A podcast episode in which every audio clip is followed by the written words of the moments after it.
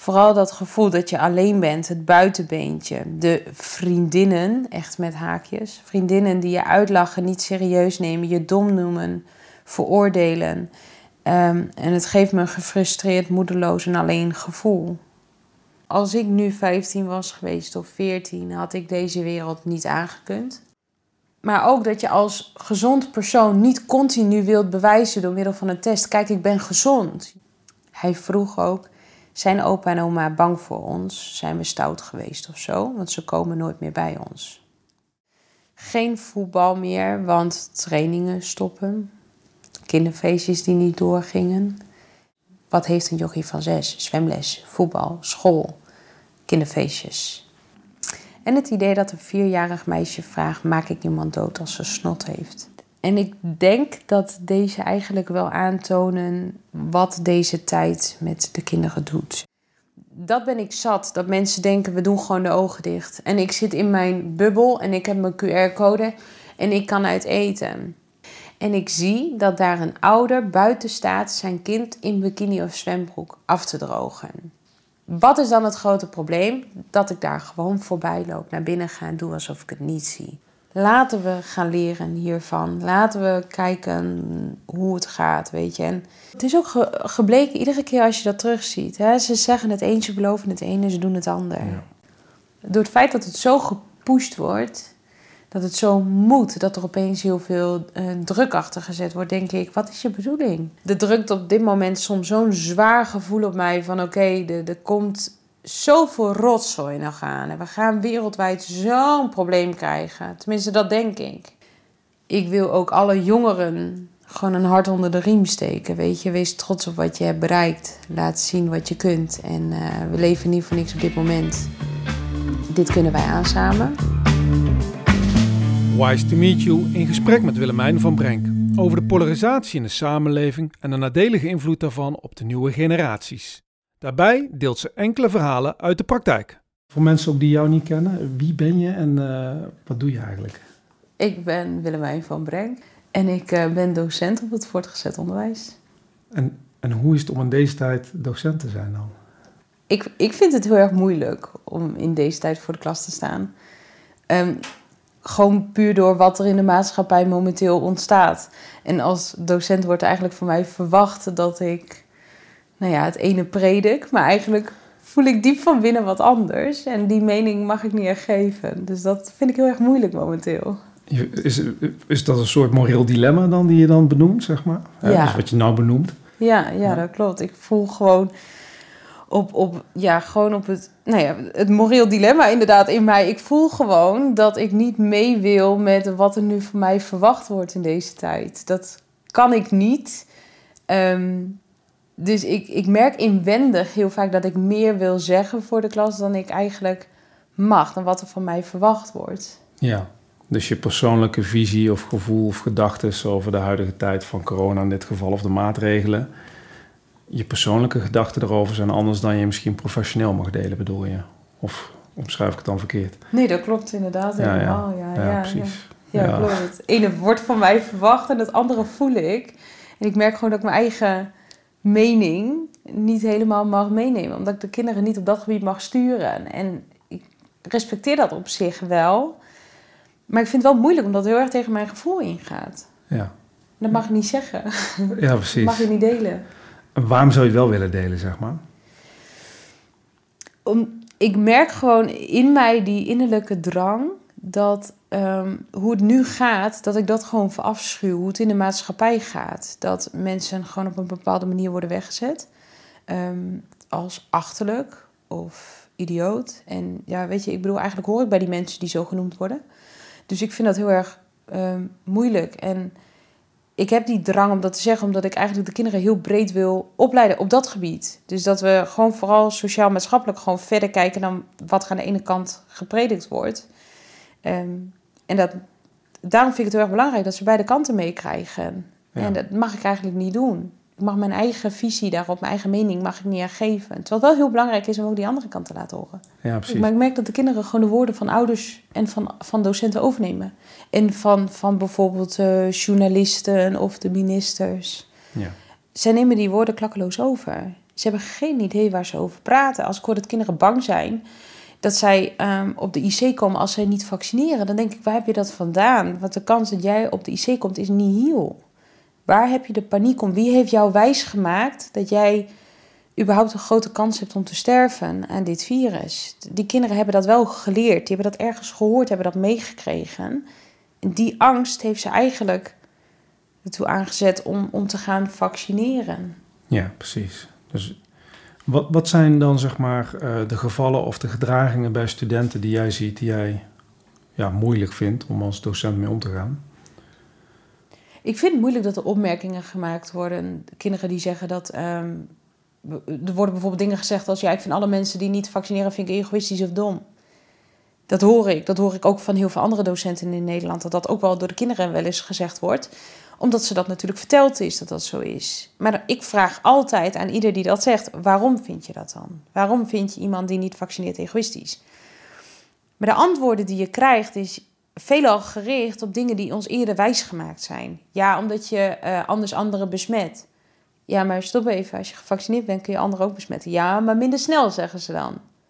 Maar dan nog kun je anderen besmetten. Ik zeg, en als ongevaccineerde besmet je alleen als je op dat moment het virus in je draagt. Er zijn ook momenten waarop je gewoon gezond bent. Weet je, ja, dan hoor ik argumenten als: ja, maar je maakt mensen dood. Ja, maar hoe maak ik dan mensen dood? Want ik, weet je, hoe maken we dood? Dat doe ik helemaal niet. Weet je, waar heb je het over? Dus er is geen logisch argument of zo hoe ze het kunnen onderbouwen. Die is er niet. En ja, dan kun je niet meer naar het restaurant. Oh ja, maar wacht even dat is egoïstisch. Als ik ga prikken voor een restaurant, dat voelt voor mij egoïstisch. Als ik dat nu zou doen om, om die reden. Ja. Weet je, dus dan gaan we opeens de maatschappelijke redenen erbij pakken. Maar ik vind het dus ook walgelijk dat wij om maatschappelijke afwegingen nu een medische keuze moeten gaan maken. Weet je, je wordt gechanteerd, je wordt die kant op gedrukt. En daar hou ik gewoon niet van. Medische keuzes worden gemaakt op basis van medische afwegingen, niet maatschappelijke afwegingen. Dus dat, die kinderen nemen dat mee in hun denkwijze. Dit is ze verteld. Ja. Ja. Merk je dat dat door ouders verteld wordt of door de media of de docenten? Of, of zie je daar bepaalde stromingen in of bepaalde invloeden? Ik denk dat zij het gewoon aan, zeg maar, op veel vlakken horen van veel verschillende mensen. En vooral de mensen die heel erg institutioneel gewoon ingesteld zijn van de overheid zegt dit, dus het is zo.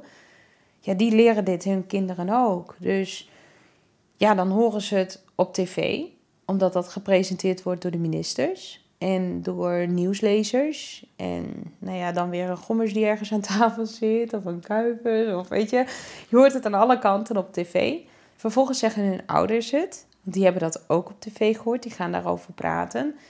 Nou ja, en als, als er al mensen institutioneel ingesteld zijn, dan zijn het vaak docenten. Dus ja, op school wordt dit beeld meegenomen. Tenminste, over het algemeen, dat hoor ik. Dat krijg ik mee van de collega's in Nederland. Ja. Ja, ja. dus ze horen het op zoveel vlakken en op zoveel terreinen, dan kun je er niet meer onderuit. Nee, precies. Ja. Ja, ik herken het heel erg hoor. Ik bedoel, ik ben ook erg geschrokken van alle reacties uh, in mijn privésfeer, maar ook in, in, in werksfeer. Hoe iedereen een bepaald narratief napraat, zeg maar, of met elkaar nou, hetzelfde het narratief volgt. Maar op het moment dat je daar kritische vragen over stelt, uh, je in een ander kamp gezet wordt. Denk ik, hoezo zijn er überhaupt kampen, bij wijze van spreken? Zijn we niet allemaal gewoon mensen die allemaal een gezond leven nastreven? En dat is gewoon heel erg belangrijk. Ah, ik ben teruggegaan naar mijn eigen basis, naar mijn eigen fundamentele basis. En dat is leven, laat leven. En ik vind iedere keuze goed. En eigenlijk leer ik dat mijn leerlingen altijd. Weet je, alle gevoelens zijn goed. Alle keuzes die je maakt in jouw leven zijn oké. Het is jouw leven. En ik kan niet tegen een kind zeggen wat hij of zij moet doen. Dat kan ik niet bepalen. Ehm, ik zeg altijd, ga terug naar je gevoel. En die twee kampen verafschuw ik. Dat leg ik de kinderen ook altijd uit. Er is niet gevaccineerd tegenover ongevaccineerd. Wij zijn in essentie zijn wij mens. En daarom vraag ik mensen ook niet of ze gevaccineerd zijn of niet. Het maakt me niet uit. Ik heb dat nog nooit gevraagd. Ik heb nog nooit gevraagd aan iemand: heb jij wel eerder de prik voor dat gehad of de prik voor dat gehad? Of heb jij je uitstrijkje wel gedaan dit jaar? Weet je, dat vraag je niet. Daar, daar heb je niks mee te maken. En die keuzes, daar heb ik me nooit door laten beïnvloeden hoe ik iemand zie of hoe ik iemand vind. En dat leer ik de kinderen ook. Van laat dat los. Weet je, kijk daar niet naar. Ga niet aan mensen vragen: ben je gevaccineerd of niet? En ga niet op basis daarvan een keuze maken wat je van diegene vindt. Vraag het gewoon niet meer. Leer diegene kennen. En dan voel je wel aan of je wat met diegene hebt of niet. Weet je, dus, dus laat ieder gewoon eigen keuzes maken. En wij kunnen niet zeggen dat uh, kamp A het fout doet of kamp B het fout doet. Nee, ieder heeft een eigen weloverwogen keuze gemaakt. Tenminste, dat, dat hoop je, dat het een weloverwogen keuze is. Ehm, ja, en op basis daarvan kan ik niemand bekritiseren. Het is hun leven, zij bepalen. Ik bemoei me daar niet mee. Heel mooi gezegd, heel erg mee eens. Maar goed, tot, tot wat waar, voor, voor wat het waard is. Merk je dat het onderwijs uh, iedereen er zo in staat zoals jij? Nou, duidelijk niet. Ik merk dat heel veel docenten, uh, of in ieder geval onderwijskundigen, gewoon uh, de ministers volgen. De laatste tijd merk ik wel dat ze hun twijfels krijgen bij het beleid. Maar ja, dan wordt de nieuwe kreet Hugo treedt af en Mark treedt af. Weet je, dan wordt dat gezegd. En dan komen de nieuwe poppetjes op die plek te zitten die het gaan doen.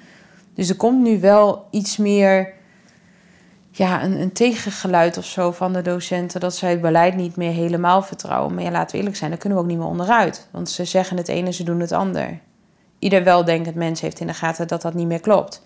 Maar over het algemeen is het onderwijs in mijn ogen wel zo ingericht dat als de overheid iets zegt, dat iedereen dat gewoon doet en volgt. En we willen allemaal brave burgers zijn en we willen allemaal doen wat we moeten doen, want dat verwachten we ook van onze leerlingen. Hè? We zeggen dit, dus je moet dat doen. Dan ben je een goede leerling. En op het moment dat de leerling tegengas geeft of aangeeft van ik vind het niet helemaal prettig, dit is niet mijn manier, dan is het opeens een kind dat niet deugt.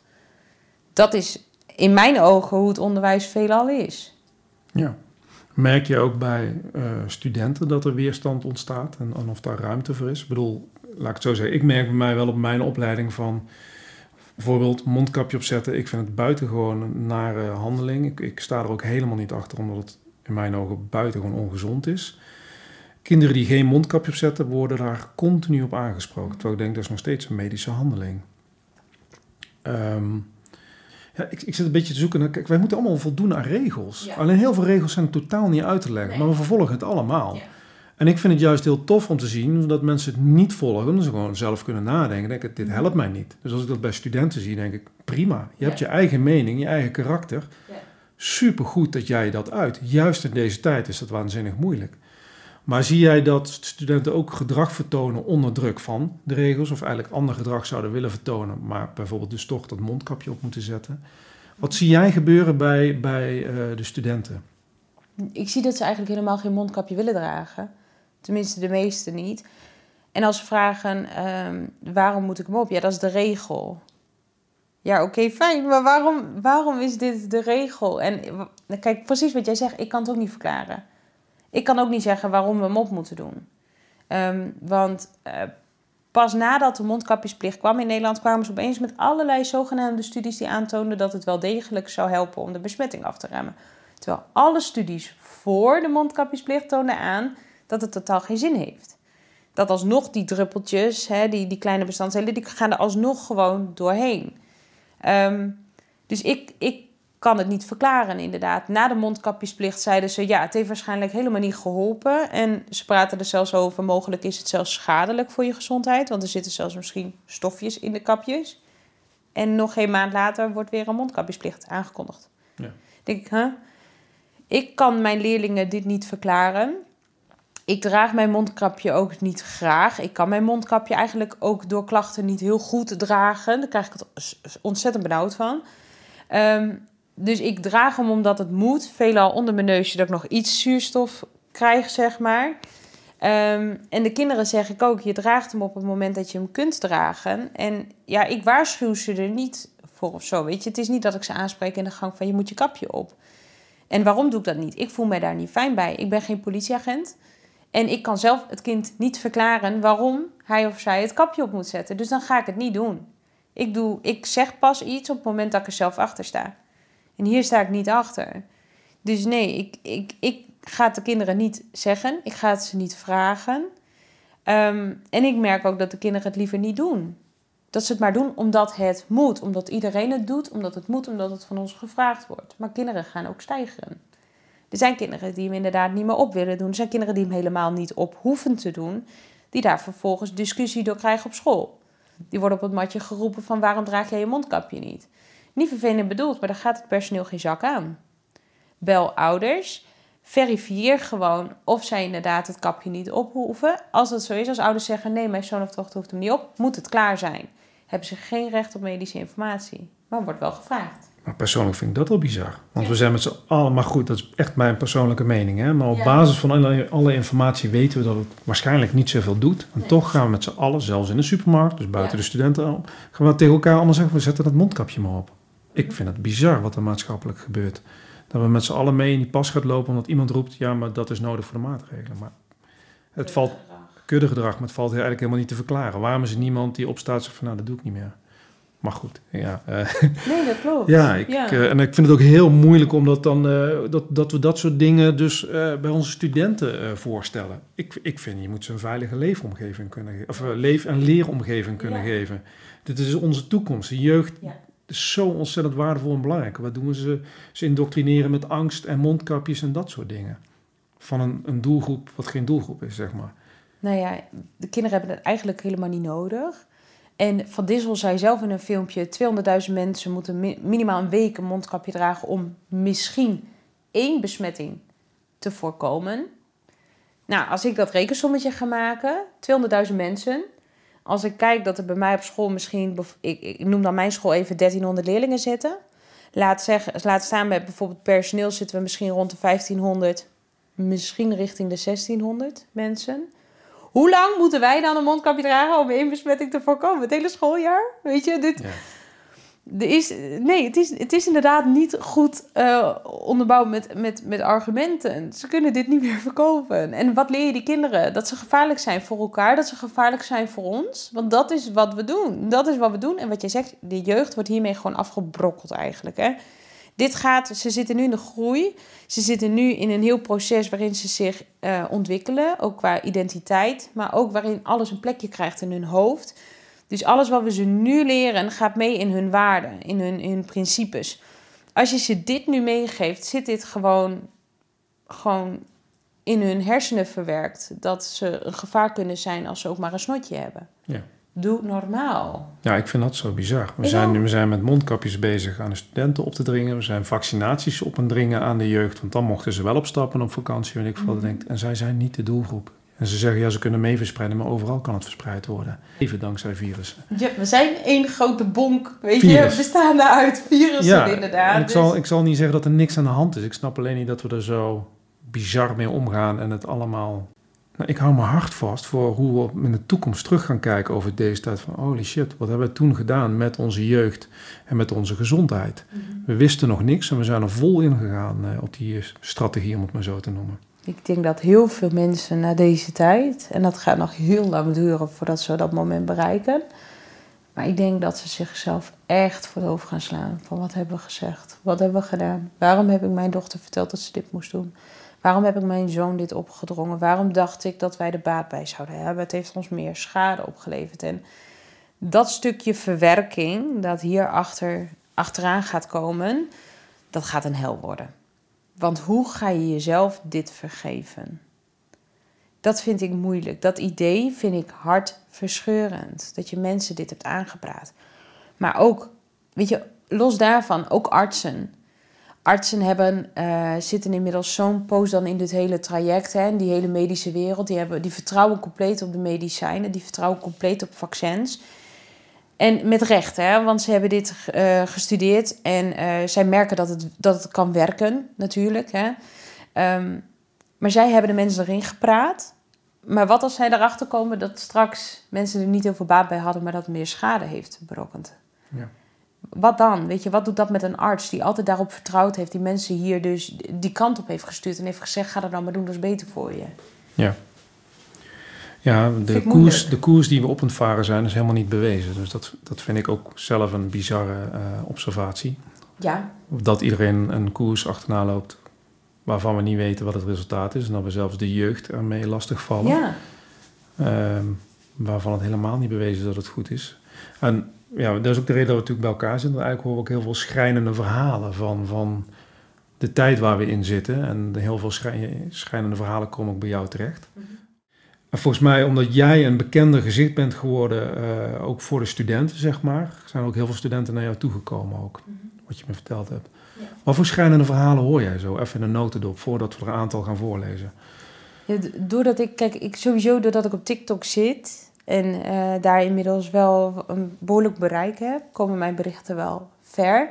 Um, op TikTok heb ik me niet per se heel kritisch uitgelaten. Ik heb maar één keer een video geplaatst over dat ik niet meedoe aan die discriminatie op basis van medische gegevens, medische handelingen, dat ik daar gewoon niet aan meedoe. En ik heb één keer wel even een oproepje gedaan voor onderwijzend en onderwijsondersteunend Nederland van goh, hou op met vragen naar medische gegevens. Toen heb ik een berichtje geplaatst online, eigenlijk in eerste instantie alleen op Facebook. Dat ik inderdaad wel wat dingen hoor van kinderen, dat, dat er rare situaties plaatsvinden op scholen of op verenigingen of zo dat ze zich raar weggezet voelen, dat ze zich een beetje in het nauw gedreven voelen. Toen heb ik daar een oproepje voor geplaatst van oké, als die vader er zijn, ik ben benieuwd. Ehm, misschien kunnen we er zelfs wat mee, hè? maar wat gebeurt er dan? En we moeten de kinderen aan het woord laten, wat doet dit met ze? Toen heb ik inderdaad heel veel berichten binnengekregen van kinderen die, um, nou ja, openlijk in de klas moeten ze antwoord geven op de vraag of ze gevaccineerd zijn of niet. Nou, zij noemen dit zelf vernederen. Uh, omdat ze, dat, dat voelt zo voor ze, hè, dat ze zo weggezet worden. Want er wordt volgens ook vaak een hele discussie erover gevoerd. Waarom wel, waarom niet? Uh, kinderen willen dat helemaal niet in het lokaal. Dus ten overstaande van een hele klas wordt er gediscussieerd over wie wel of niet gevaccineerd is en of dat wel of niet goed zou zijn. Ja, moeten ze zich verklaren waarom niet? Uh, kinderen op de basisschool krijgen zelfs te horen als er gevraagd wordt: hè, van, zijn je papa of mama zijn die gevaccineerd? Um, kinderen die dan zeggen nee, dan krijgen ze te horen dat ze slechte opvoeding hebben gehad. En dat als het vaccin beschikbaar is voor hun leeftijdscategorie, dat zij het wel moeten gaan nemen. Dat zij wel hun verantwoordelijkheden moeten gaan nemen. En dan denk ik, dan praat je over kinderen op de basisschool. Weet je, wat, waarom, waarom doe je dit überhaupt? Maar ook kinderen die um, ongevaccineerd zijn en niet meer voor in het lokaal mogen zitten, maar helemaal achterin plaats moeten nemen, ehm, apart van de rest, omdat ze gevaarlijk zouden zijn. En ehm, dan ook geen vraag meer mogen stellen aan de docent. Dat hoor jij? Ja. Dat is gewoon, oké. Dat gebeurt in Nederland. Dat gebeurt. En niet overal. Dus het is niet dat dit typerend is voor hoe het nu overal gaat. Echt niet, want er zijn genoeg docenten die dit echt niet doen. Echt niet. Er zijn genoeg docenten die zeggen, daar heb ik me nog nooit mee bemoeid, daar vraag je niet naar. Uh, want die uh, docenten heb ik ook wel gesproken. Die zelf bijvoorbeeld wel gevaccineerd zijn, maar begin, in het begin van het jaar, net als ik, direct hebben gezegd van... het maakt me niet uit wat je hebt gedaan. Hoeven we niet over te praten. Hè? Dit, is helemaal geen onderwerp voor hier. We gaan gewoon lekker, uh, lekker de lessen volgen en we gaan over andere dingen praten. Dus die docenten zijn er gelukkig ook. Ja, er zijn ook docenten die bang zijn en die hun angst dus projecteren op de kinderen. Maar ja, wat leer je de leerlingen daarmee? Ja. Dat ze gevaar zijn, dat ze eng zijn, dat ze vies zijn, dat ze apart moeten zitten van de rest. Ja. Ja, dat nemen ze mee in hun wereldbeeld. Ja, jij geeft studenten van uh, 12 tot en met 15 ongeveer. Ja, maar ik ontvang die berichten van kinderen uit heel Nederland. Dus ik heb. Uh, dit kwam dan wel van iemand uit een onderbouwklas, uh, inderdaad. Ja. Dus mm -hmm. volgens mij tweede jaar of zo kwam dit meisje. Die vertelde dat ze dus niet meer vooraan mocht zitten, omdat ze vies was volgens de docenten. Omdat ze een gevaar was voor de gezondheid, omdat ze ongevaccineerd was. Um, een meisje van 13 heeft te horen gekregen dat zij um, mensen vermoordt als zij haar mondkapje niet opdoet kwam ook ergens uit Nederland. Nou ja, die kinderen van de basisschool die zijn soms acht, soms tien, soms nou ja, ook wel twaalf bijvoorbeeld. Maar ja, dat zeg ik, weet je, ik krijg uit heel Nederland berichten. Het gebeurt in alle leeftijdscategorieën. Ja, precies. Op allerlei scholen. Ja, ja. Zij leren dat dit dus nu normaal wordt. Hè? Ja. Dat vind ik, uh, vind ik heel erg, inderdaad, ja. Ja, kijk, wij zijn onder schade en schande enigszins volwassen kunnen worden. Maar wij zijn, ik, ik ben niet volwassen geworden in zo'n complexe tijd als dit. Maar dan denk ik, je zult nu maar uh, nou, tot en met je 25e zijn. Dan heb je nogal wat te verwerken emotioneel. En, en ga dan je eigen positie maar innemen, wat jij ervan vindt. Ik had dit niet gered hoor, als puber, echt niet. Nee. Ik weet zeker, als ik zie hoe ik zeg maar 10, 12 jaar geleden was of zo dat ik echt zelf een grote identiteitscrisis had en totaal niet lekker in mijn vel zat. En ook van psycholoog naar psycholoog naar psycholoog ging. Ik had dit niet gered deze tijd. Ja, precies. Dit, dit weet ik gewoon al van mezelf hoor. Dus ik vind de kinderen echt ontzettend sterk en dapper überhaupt dat ze zo ver gekomen zijn al. Ja, Ik bedoel, dit is al een, een, een nou, gigantische overwinning om maar zo te zeggen. Hè? Dat ze nu al hier zijn gekomen. ja, En als ik gewoon naga hoe ik was, ik weet zeker, ik was kopje onder gegaan. Ja. Ik had dit niet getrokken hoe de wereld is. Echt niet. Dit had ik niet begrepen. Dit had ik helemaal niet kwijtgekund in mijn hoofd. Echt niet. Dit had ik nooit kunnen relativeren. Als ik daarover nadenk, Ja, hoe ik was, nee, dit, dit, dit was voor mij echt de druppel geweest. ja, dat is mooi hoe je, dat, hoe je dat verwoordt ook. Hè? Terugkijkend als volwassene op je, op je jeugd. Ja. Van nou, dit had ik nooit gered. Maar, Nee. maar die jeugd is er nu inderdaad wel. En zij hebben er ineens Ja. mee te dealen. Ja, en volop met problemen, hè? Want kinderen hebben heel veel problemen nu. Al door de coronacrisis. Het is Ja, echt precies. rampzalig. Ja, maar het is mooi dat je dat zo verwoordt. Oké. Zullen, we- zullen we eens kijken naar eh, wat verhalen die, eh, die Mhm. studenten met jou gedeeld hebben, die jij misschien Ja. kan voorlezen? Ja?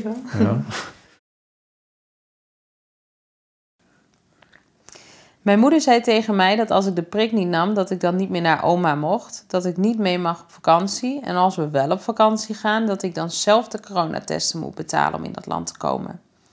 Ik vind het niet leuk toen mijn moeder dit soort dingen tegen mij zei. Veel andere mensen zeiden tegen mij eh, dat mijn moeder hiermee moest stoppen. En dat zeiden ze ook tegen haar. Dit soort onzin mag niet meer verteld worden. Maar daar luisterde ze niet naar, want ze ging gewoon door. Ik voelde me thuis echt niet meer op mijn gemak en ook niet op school omdat iedereen mij vies vindt omdat ik corona heb gehad en geen prik heb genomen. Als ik de klas in kwam, is het eerste wat ze deden handgel over me heen gooien. En dan zeggen: Zo, nu ben je goed ontsmet en nu mag, je pas binnenkomen. Ik heb daarom de lessen thuis, thuis gevolgd.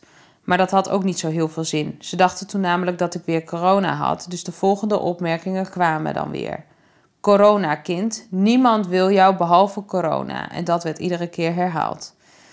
Tot op een dag besloot ik dat ik dit niet meer wilde, heb ik een afspraak voor mijn prik gemaakt. Ik had dit allemaal tegen mijn beste vriendin verteld en zij zei dat ik de prik niet moest nemen om dit allemaal te stoppen. Want dan laat je je kennen en dan denken ze: ehm, ik heb je in mijn macht. Ik heb daarna geluisterd en ik heb de prik niet genomen. Maar de opmerkingen worden steeds erger. Ik heb uiteindelijk besloten om naar een andere school te gaan en daar werd ik wel geaccepteerd. Heftig, hè? 13, 14 jaar denk ik ongeveer. Shit. Ja, verschrikkelijk. Ja. Even kijken, ja. Heb ik ook weer een verhaal. Een meisje is 15 jaar. Ja. Ehm, die stuurde beste mevrouw van Brenk. Ik ben een jongere van 15 die er helemaal klaar mee is. Ik voel me ellendig. Hoe lang gaat dit nog duren? Zijn de maatregelen nou echt zo nodig? Volgend jaar ga ik naar VWO 4. Ik hoop het hele jaar gewoon op school te kunnen zijn. Maar ja, wat gaan ze nu weer verzinnen? Constant veranderingen. Iets waar ik totaal niet mee om kan gaan door mijn autisme. Iedereen thuis, eh, iedereen die thuisonderwijs volgde, vond het oké. En, waar het- en dat vond ik ook wel prima op dat moment, want er waren tenslotte weinig prikkels. Totdat er weer halve klassen naar school mochten en de ellende was begonnen. Er was onduidelijkheid, alles veranderde constant en ik kon dit niet aan. Elke dag voelde ik me moe en verre van vrolijk. Toen was het dan zover. Jongeren mochten gevaccineerd worden. Iedereen in mijn familie laat zich vaccineren en de druk was dus ook hoog. Er werden dingen gezegd als: Doe het voor je opa's en oma's, want zij zijn kwetsbaar. Wil je dat ze ziek worden? Oma is al ziek, bescherm haar alsjeblieft. Wil je nog op vakantie? Het lot ligt in je eigen handen. Ik werd in een positie gezet dat ik toen voor mijn idee wel moest. Ik heb één prik nodig, dus met het gevoel van het moet maar heb ik mijn vaccinatie gehaald. Maar gelijk had ik spijt. Zal dit gevolgen voor mij hebben? Het vaccin zit nog in een testfase. Nu ik in het buitenland ben en mijn QR-code laat scannen, voel ik me dom. Waarom heb ik niet naar mijn eigen gevoel geluisterd? Waarom is mijn mening niet gerespecteerd? Ik wil terug naar het oude normaal. Dit kan niet langer zo. 20 september kan ik op een terrasje gaan zitten. Vrienden en vriendinnen die wel sterk zijn geweest, die kunnen niet mee. Ze dwingen mensen tot vaccinatie, iets wat naar mijn idee echt niet kan. Iedereen heeft natuurlijk een mening over mijn keuze. De een doet naar, de ander zegt goed dat je het hebt gedaan. En nu ik mijn QR-code heb, heb ik vrijheid. Zonder mijn vaccinatie was ik buitengesloten geweest. Uit ervaring een vreselijk gevoel. Ik heb zoiets van: laat mij maar gewoon mijn eigen keuze maken. Het is mijn leven en mijn gezondheid. En die booster ga ik zeker niet nemen. Ik neem me voor sterk in mijn schoenen te staan dan. Mijn advies is om altijd naar je eigen gevoel te luisteren en sluit alsjeblieft niemand buiten om zijn of haar keuzes. Spijt van de prik. En dat vind ik zielig, dat kinderen dit dus doen omdat hun een, ehm, een schuldgevoel wordt aangepraat, hè, verantwoordelijkheidsgevoel van je moet hem nemen om een ander te beschermen. Terwijl eigenlijk nu aan alle kanten blijkt dat je dat niet kunt. Dat je niet voor een ander kunt vaccineren. Het is chantage en intimidatie wat ik hier hoor in die verhalen. Ja, het is zo- chantage. Zo verschrikkelijk dat, dat, dat ze de, de gevoelens van, van die studenten of die jongeren gewoon niet serieus nemen. Wat hun gevoel is, waar zij zich prettig bij voelen. Ja. Nou ja, inderdaad, want dit meisje had wel degelijk een eigen mening. Een eigen keuze eigenlijk al gemaakt van ik wil het niet, ik doe het niet. Ja. En dan nu alsnog ja. wo- wordt zij gepusht om het alsnog tegen haar gevoel in te gaan doen. En wat ik zielig vind, is dat dan eenmaal die prik erin gezet is... en dat ze eigenlijk per direct spijt heeft. En dan kan, het is niet als een oorbel die je laat schieten... en je denkt, ik trek hem er weer uit en dan goed wel weer dicht. Weet je, het, het blijft nu even in je lijf een poos. En ik weet niet hoe lang het erin zit. Want de een zegt, het is zo er weer uit. De ander zegt, eh 15 maanden heb ik gehoord. Weet je, je hoort allerlei verhalen. Maar het, het is niet iets wat je gewoon even weer eruit pakt. Nee, het zit in je lijf. Nou, eh, een van, eh, van de verhalen zegt ik heel duidelijk van het is een experimenteel vaccin. Dat is het ook. We weten niet wat de gevolgen op korte en lange termijn precies gaan doen, Nee. gaan worden. Dus ja. Nou ja, precies. En dat vind ik moeilijk, want mensen vinden dat woord experimenteel niet prettig om te horen. Dan zeggen ze altijd, het is niet experimenteel. Dat is het wel. Dat is aangetoond en je kunt het op de website ook zien. Ze zijn voorlopig goedgekeurd. En als je dus de type vaccins eh, opzoekt die wij hebben, de vectorvaccins en de mRNA-vaccins, wordt er alleen al bij mRNA gezegd dat die vanaf begin jaren 90 ontwikkeld is, maar tot 2020 niet op de markt mocht verschijnen, omdat het niet veilig was. En nu komen ze alsnog, weet je, dan denk ik, ze hebben nog nooit op mensen getest. Nee. Nou, wat ik ook zo bijzonder vind inderdaad hieraan is van, van op het moment dat er dus echt iets met het vaccin blijkt te zijn, bij bepaalde personen, hè, dus die hebben bepaalde reacties, waar ga je terecht met je schade? Er is, er is geen plek waar je het op kan verhalen. Er is zelfs de regering niet. Nee. Dus dat vind ik toch al een heel En de schrijnende... Nee. En de dokters niet. Nee. Dus je kunt het nergens gaan halen. Dus dan inderdaad. zit je met, eh, met, met je persoonlijke schade, je gezondheidsschade, zit je zelf mooi te kijken. Je kan nergens terecht. Je kan niemand verantwoordelijk stellen. Nee. Nee, en aan de andere kant, wat koop je ervoor? Stel dat wel blijkt dat je er schade door krijgt. Stel dat je het wel op iemand kon verhalen, fijn. Maar je hebt schade. Je, hebt schade, vaccinschade. Weet je, dat... Geld is dan niks. Dan denk ik, je gezondheid is alles, man. Ja, Dat absoluut. vind ik zo erg dat, dat je bereid bent om mee te doen aan de- deze hele poppenkast. Alleen mensen weten dit veelal niet. En om valse voorwenselen, dat merk je nu aan dit verhaal van dit meisje. Valse voorwenselen. Je wilt toch opa en oma beschermen? Je wilt ze toch niet ziek maken? En met dat vind ik zo bijzonder. Van, hè, wat je in deze verhalen hoort. Zij worden verantwoordelijk gemaakt voor andermans gezondheid. Ja. Ik ga toch ook niet bemoeien met wat iemand met zijn gezondheid moet doen. Wat hij wel of niet mag eten. Hoe vaak hij moet gaan sporten. Nee. Daar bemoeien we elkaar Nee, met, bij elkaar niet mee. Dus moment dat je die jongeren gaat intimideren of chanteren van jij moet dit doen voor de gezondheid van een ander. Ja, maar die persoon heeft alleen maar belang bij, ja niet alleen maar, maar vooral ook belang bij zijn eigen gezondheid. Dat is de verantwoordelijkheid die we voor onszelf dragen. Dus op het moment dat jij angstig bent voor bijvoorbeeld het virus, dan kan jij daar maatregelen op nemen, maar dat hoeft iemand anders niet te doen. Nee. Dat vind ik zo, eh, blijf ik een bizar fenomeen vinden in deze huidige tijd. Je moet het voor jezelf doen, niet voor, voor een ander. Je maakt je eigen... Ja. Maar mooi dat je het voorleest en, en, en wel verhalen uit eerste hand eh, deelt van die studenten die, hoe het voor hun is om dit dus te ervaren. Heb je er nog één? heb ik. Heel veel. ja. Eh, ja, we lachen erbij. Eigenlijk is het gewoon, natuurlijk gewoon verschrikkelijk. Laat dat duidelijk zijn. Ja, dit is...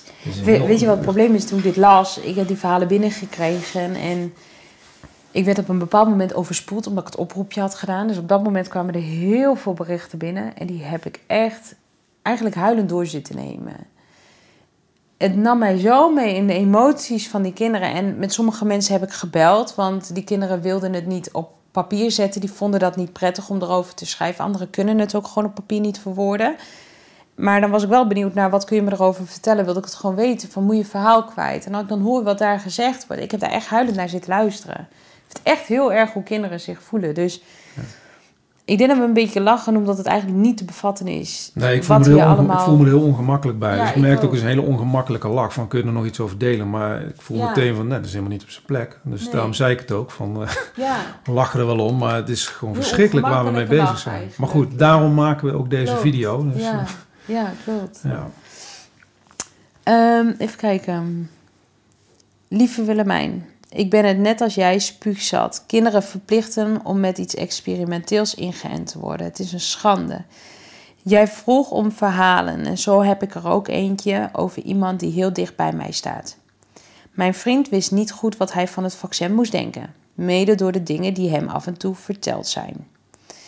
Hij wilde er absoluut mee wachten, maar zijn ouders verplichten hem.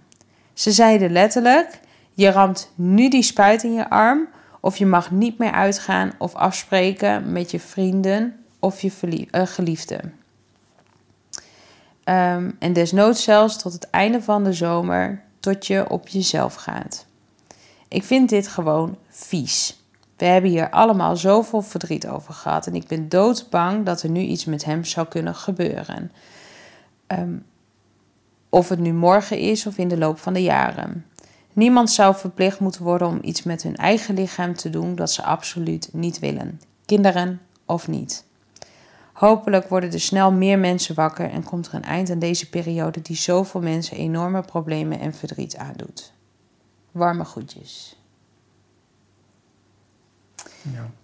En ik weet niet hoe oud deze um, jongen is, maar ook niet hoe oud um, dit meisje is die me dit stuurt. Die leeftijd heb ik er niet bij gekregen.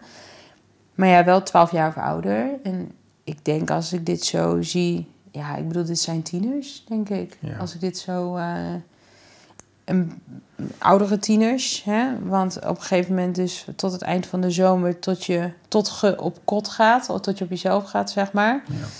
Ja. Um, ik vind het verdrietig, want diegene wilde dit niet. En die heeft het wel gedaan. En die vriendin vreesde nu voor zijn gezondheid. Omdat ze bang is dat er wat met hem gaat gebeuren.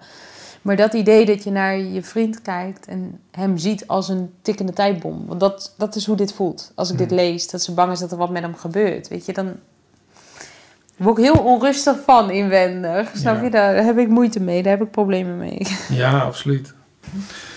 Alright. Volgende verhaal. Ja. ja. Ja, ik weet niet hoe oud um, dit meisje dus is. Maar um, die stuurde mij... Um, Hoi Willemijn. Ik wil jullie vertellen over de thuissituatie op dit moment bij mijn vader. Mijn vader en stiefmoeder houden zich nogal veel bezig met corona. Ze hebben ondertussen hun vaccinatie gehad en ze konden ook niet wachten om hem te halen. Ze zeiden: Zometeen, zometeen zijn we eindelijk gevaccineerd, dan kunnen we weer meer doen. Zij willen ook dat ik mij laat vaccineren, maar daar ben ik het zelf niet mee eens. We zaten een keer met z'n allen aan de keukentafel. En toen vroeg mijn vader ons of we ons eigenlijk wel willen laten vaccineren. Dus ik zei meteen dat ik dat niet wil. Toen zei mijn vader dat het beter was als we dat wel deden. Toen vroeg hij me waarom ik het niet wilde.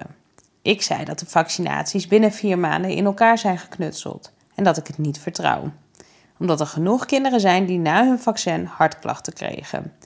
En er zijn mensen die zelfs half verlamd zijn geraakt. En ik vind dit een groot risico. Um, toen zei mijn vader dat dat heel weinig voorkomt, waarop ik antwoordde: En laat ik nou net de ene persoon zijn waar dat bij gebeurt. En ik legde nog een keer uit dat ik niet gevaccineerd wilde worden. Toen begon hij erover dat als we het vaccin niet zouden nemen, dan we niet meer bij oma mogen komen. Dat vond ik wel een beetje ver gaan. En toen zei ik nog een keer dat ik de prik echt niet wil. Maar toen begon mijn stiefmoeder. Dat opa heel ziek is geworden van corona. Omdat mijn stiefzus, zonder dat ze het wist, corona had en toen bij opa is langsgegaan. Toen kreeg opa corona en is toen heel erg ziek geworden. En dat is ook de reden dat uh, jullie stiefzus gevaccineerd is, zei mijn stiefmoeder. Omdat ze niet het risico wilde lopen om nog meer mensen te besmetten. Toen liet mijn stiefmoeder een foto van mijn opa zien toen hij ziek in het ziekenhuisbed lag. Hij kon amper ademen en had problemen met de longen. Maar ik bleef volhouden dat ik de prik niet wilde, hoe zielig ik het ook vond voor opa en oma. Papa zei gewoon dat we geen keuze hebben en dat we moeten, terwijl ik dat zelf niet wil. Ik heb ook gezegd tegen mijn vader dat het eigenlijk mijn eigen keuze is, omdat ik twaalf ben geweest. Toen zei hij dat, er geen dat wij geen goede keuzes kunnen maken, omdat we nog jong zijn, terwijl ik dat prima zelf kan. Gewoon het idee dat de stiefmoeder dus een foto laat zien van opa om even te benadrukken: kijk, dit heeft jouw stiefzus gedaan. Haar eigen dochter dus. En dit doe jij als jij je niet laat vaccineren. Ja, ja ik, ik, ik, ben, ik blijf sprakeloos bij dit soort verhalen, zeg maar. Ik, uh, ja, vind het heel, heel uh, ongemakkelijk om te horen, zeg maar, dat het gebeurt. Nou ja, precies. Dat vind ik dus, um, vind ik dus ook inderdaad. Hm. Volgende verhaal? Ja, is goed. Oké. Even kijken, hier weet ik ook niet van hoe oud um, dit meisje is. Um, school is niet meer wat school was, merk ik. Ik ben de enige in mijn klas die niet gevaccineerd is. Mijn docenten vroegen daar in het begin van het jaar regelmatig naar. En het was direct voor de hele klas duidelijk dat ik niet gevaccineerd was. In het begin was dit vooral iets om me voor te schamen, omdat de docenten openlijk in het lokaal vragen gingen stellen. Ik wist helemaal niet wat ik hierop moest zeggen. Nu is het alleen nog maar erger geworden. Ik heb zelfs een docent waar ik niet meer vooraan mag zitten. Alle gevaccineerde kinderen mogen dat wel. Ik moet helemaal alleen achterin plaatsnemen en ik mag geen vragen meer stellen. Die mevrouw zei tegen mij dat ik me niet netjes gedroeg en dat ik anderen in gevaar bracht. Ik ben bang dat ik dit jaar niet red. Ik vind school al heel erg moeilijk door de vorige lockdowns, maar ik merk dat ik nu gewoon ontzettend veel mis. Als ik achterin zit, voel ik me ontzettend eenzaam en vooral heel, gewoon heel erg alleen. School was misschien moeilijk, maar ik heb me er altijd veilig gevoeld. En inmiddels niet meer. Mijn klasgenoten deden mee met die mevrouw. Ze vonden mij ook eigenwijs en dom omdat ik die prik niet voor ze nam. Ik hoef dat, dat vaccin niet te halen voor mijn klasgenoten. Ik las iets over onvruchtbaarheid en ik ben bang dat ik in de toekomst geen kinderen meer kan krijgen als ik gevaccineerd ben. Blijkbaar maakt dat allemaal niks meer uit. Ze vinden het oké als ik alleen zit in de pauze en ze vinden het zelfs grappig dat ik bij sommige docenten achterin moet zitten. Wanneer houdt dit op? Ik wil me niet zo eenzaam voelen. Ik wil weer genieten van het leven. Ik wil weer kind zijn. En wanneer mag ik dat weer?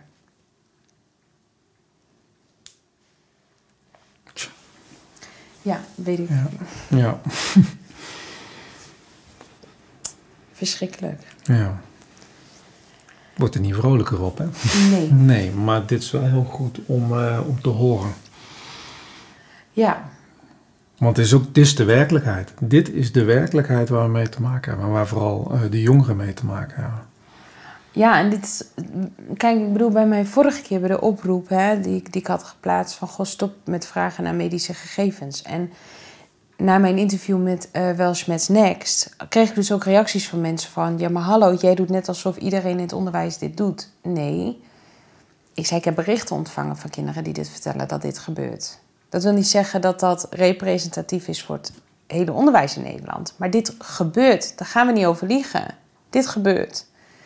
En het is al, weet je, het is al schijnend zat dat dit gebeurt. En ik merkte, er stond op een gegeven moment in de krant dat ehm, volgens mij homoseksuele jongeren zich gepest voelen door docenten. Dat sommige docenten dat doen. Daar werd zoveel over gesproken. Want oh, wat verschrikkelijk dat dit gebeurde. Ho, ho. Op heel weinig scholen. Op misschien maar een paar scholen en misschien maar door een enkele docent. Maar dat was wel erg genoeg om over te praten. En dit mag niet aangekaart worden. Ja, maar dit hoor je niet in de media. Dit hoor je nergens. Nou, een enkel artikeltje misschien ergens, maar... Maar ik denk dat er ook niet aan de kinderen gevraagd wordt hoe zij zich voelen en wat dit met ze doet. Dat wordt niet gevraagd. Want ik denk dat iedereen bang is voor het antwoord. Of ze denken er helemaal niet over na. Ze zijn helemaal niet mee bezig. Tja, wie zal het zeggen inderdaad, ja. Ik heb hier een ehm, bericht gekregen van een jongen die elf is. En ehm, ik sprak zijn vader hier ook over. En ehm, die, heeft, die heeft gezorgd dat dit op papier kwam, zeg maar. Die jongen zit sowieso in de spagaat, omdat vader ehm, niet gevaccineerd is. Moeder en stiefvader wel. Moeder en stiefvader trekken heel erg aan hem. En die willen heel erg dat hij meegaat in hè, de goede burger zijn en doen wat je moet doen. Maar aan de andere kant trekt vader niet aan hem. Vader zegt: Jij mag kiezen wat jij wilt. Jij mag voelen wat je voelt. En als jij je prettig voelt bij het vaccin, dan doe je het. Ik hou niet minder van je, nooit. Ehm, doe jij het niet, is het ook goed. Maar jij kiest gewoon zelf. Maar op een moment dat jij ook zelf kunt kiezen. En die jongen is nu elf. En er was nog geen sprake van het vaccineren voor kinderen eh, onder de 12. Nou ja, dat komt natuurlijk nu ook deze kant op. Mhm. Maar dit is eigenlijk iets wat ehm, op papier gezet is, net voordat dat bekend werd dat de kinderen van 5 tot en met 11 ook moesten vaccineren. Oké. En die jongen die heeft gestuurd. ehm, mijn opa vertelde mij tijdens de intocht van eh, Sinterklaas, dat heeft hij dus laatst eh, eh, gestuurd, dat ik niet meer langs mocht komen als ik het vaccin niet zou nemen als ik 12 word. Kortom, ik mag op 9 april, als ik nog 11 ben, mag ik wel naar opa. Maar als ik op 10 april 12 word, ben ik een gevaar voor zijn gezondheid. En dit bevestigde opa. Dat hij inderdaad niet meer welkom is als hij eenmaal 12 geworden is. Ik snap alleen niet hoe je dit kunt rechtvaardigen. Dat de jongen de dag voor zijn verjaardag geen gevaar is en de dag van zijn verjaardag wel. Alsof leeftijd opeens een bepaald gevaar met zich meebrengt. Ja. Ehm, en nu moet ik zeggen dat deze jongen hier gelukkig wel goed mee omgaat. Omdat hij wel open en eerlijk over dingen praat. Ehm, bij mij zorgen dat er kinderen zijn die dit niet vertellen. Die dit niet delen. Snap je? Want net merkten we dat ook. Dat er bijvoorbeeld een foto van opa wordt getoond van... Kijk, opa aan de beademing, heeft moeite met ademen.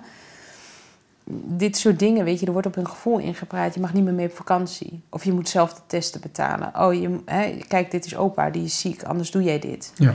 En hier dus ook, je bent niet meer welkom bij mij thuis omdat jij een gevaar bent. Dat leren Ja. wij de kinderen. Dat ze een gevaar zijn nu voor, voor andermans gezondheid. Ja. Ik merk dat ik steeds meer sprakeloos word van dit soort verhalen, dat, dit, dat het gebeurt. Ja, Maar het gebeurt. Ja nou ja, dat, dat is het probleem inderdaad. Ja, het gebeurt. En eh, doordat we er niet naar vragen, weten we het. ehm. Ehm, ik heb hier een berichtje van een meisje, een tiener. Ehm, en zij heeft eigenlijk een beetje opgezomd. Gewoon niet echt in een verhalende vorm, maar meer opgezomd waar ze tegenaan loopt. Ehm, allereerst noemt zij de conciërge die je achterna loopt en eh, roept in de gangen dat je geen mondkapje op hebt. Nou ja, dat, dat horen we op veel meer scholen, dat de eh, personeelsleden de politieagent moeten gaan uithangen. Ehm, maar zij zegt ook, ehm, ik krijg er een beetje een bang gevoel door. Een, een, alsof het verplicht is, weet je, dat ik hier aan mee moet doen. Vriendinnen die met z'n allen naar concerten gaan, eten tijdens het winkelen en eh, clubs, et cetera, in mogen. En ik mag niet mee. En vriendinnen gaan wel zonder haar. Vooral dat gevoel dat je alleen bent, het buitenbeentje. De vriendinnen, echt met haakjes. Vriendinnen die je uitlachen, niet serieus nemen, je dom noemen, veroordelen. Ehm, en het geeft me een gefrustreerd, moedeloos en alleen gevoel. Ik denk dat dit ook is wat heel veel gebeurt. Dat ehm, iemand ervoor kiest om het vaccin niet te nemen dat dan bijvoorbeeld... Soms zijn er wel vriendinnen die zeggen van... joh, is helemaal oké en eh, hè, dan maak je je eigen keuze. Maar vervolgens gaan ze met z'n allen inderdaad leuke dingen doen. En één iemand kan dan niet mee, omdat hij niet, niet mee wil... in hoe de maatschappij nu is, weet je. Niet het vaccin willen om naar een concert te mogen. Heel bizar dat we daar zijn gekomen. maar ook dat je als gezond persoon niet continu wilt bewijzen door middel van een test. Kijk, ik ben gezond. Je bent gewoon gezond, tenzij anders blijkt. Snap je? Tenzij je je slecht gaat voelen. Dan voel je wel aan jezelf dat je niet gezond bent.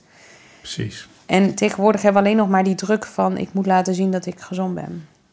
Nou, ik daarop inhaken. Het is veel zo bizar. Weet je, een paar jaar geleden, al, al had je een halve griep... of uh, je moest ziek zijn om thuis te blijven. Je moest echt strontziek zijn, anders ging je gewoon werken. Anders moest je niet zo aanstellen, zeg maar. Natuurlijk hadden we ook een enorme griepepidemie, prima. Maar dat was wel het griepseizoen, dat is heel normaal. En nu moet je er maar bewijzen dat je gezond bent. Dat is de, de tegenovergestelde wereld. En het is bizar. paniek die ontstaat. Want ja.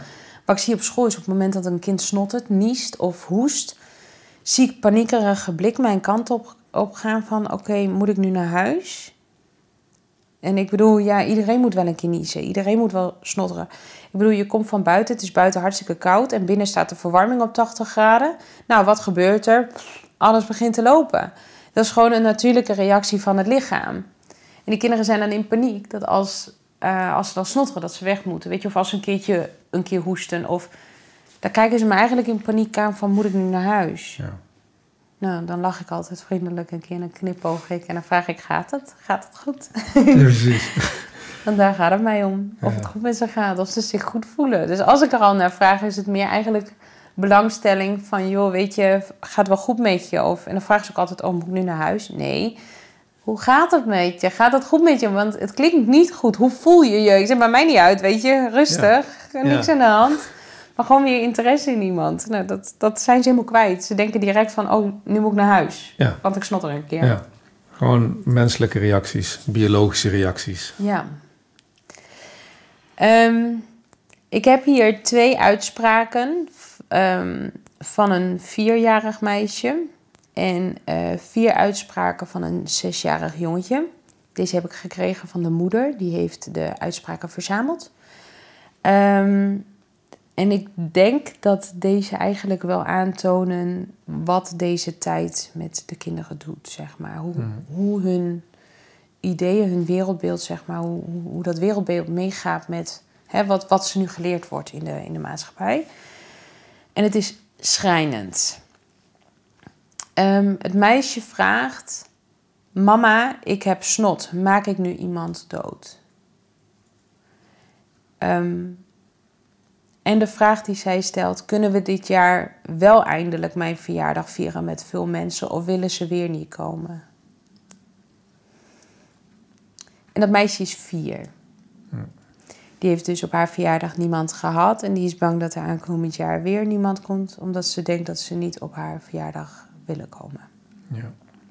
En het idee dat een vierjarig meisje vraagt: maak ik iemand dood als ze snot heeft? Je vraagt je af waar zo'n vraag vandaan komt erg.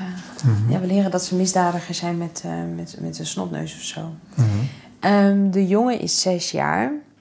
En die heeft ook wel eigenlijk schijnende uitspraken gedaan en vragen gesteld. Hij zegt bijvoorbeeld: uh, Ik wil geen kinderfeestje, want het gaat toch niet door. Hij vroeg ook: Zijn opa en oma bang voor ons? Zijn we stout geweest of zo? Want ze komen nooit meer bij ons.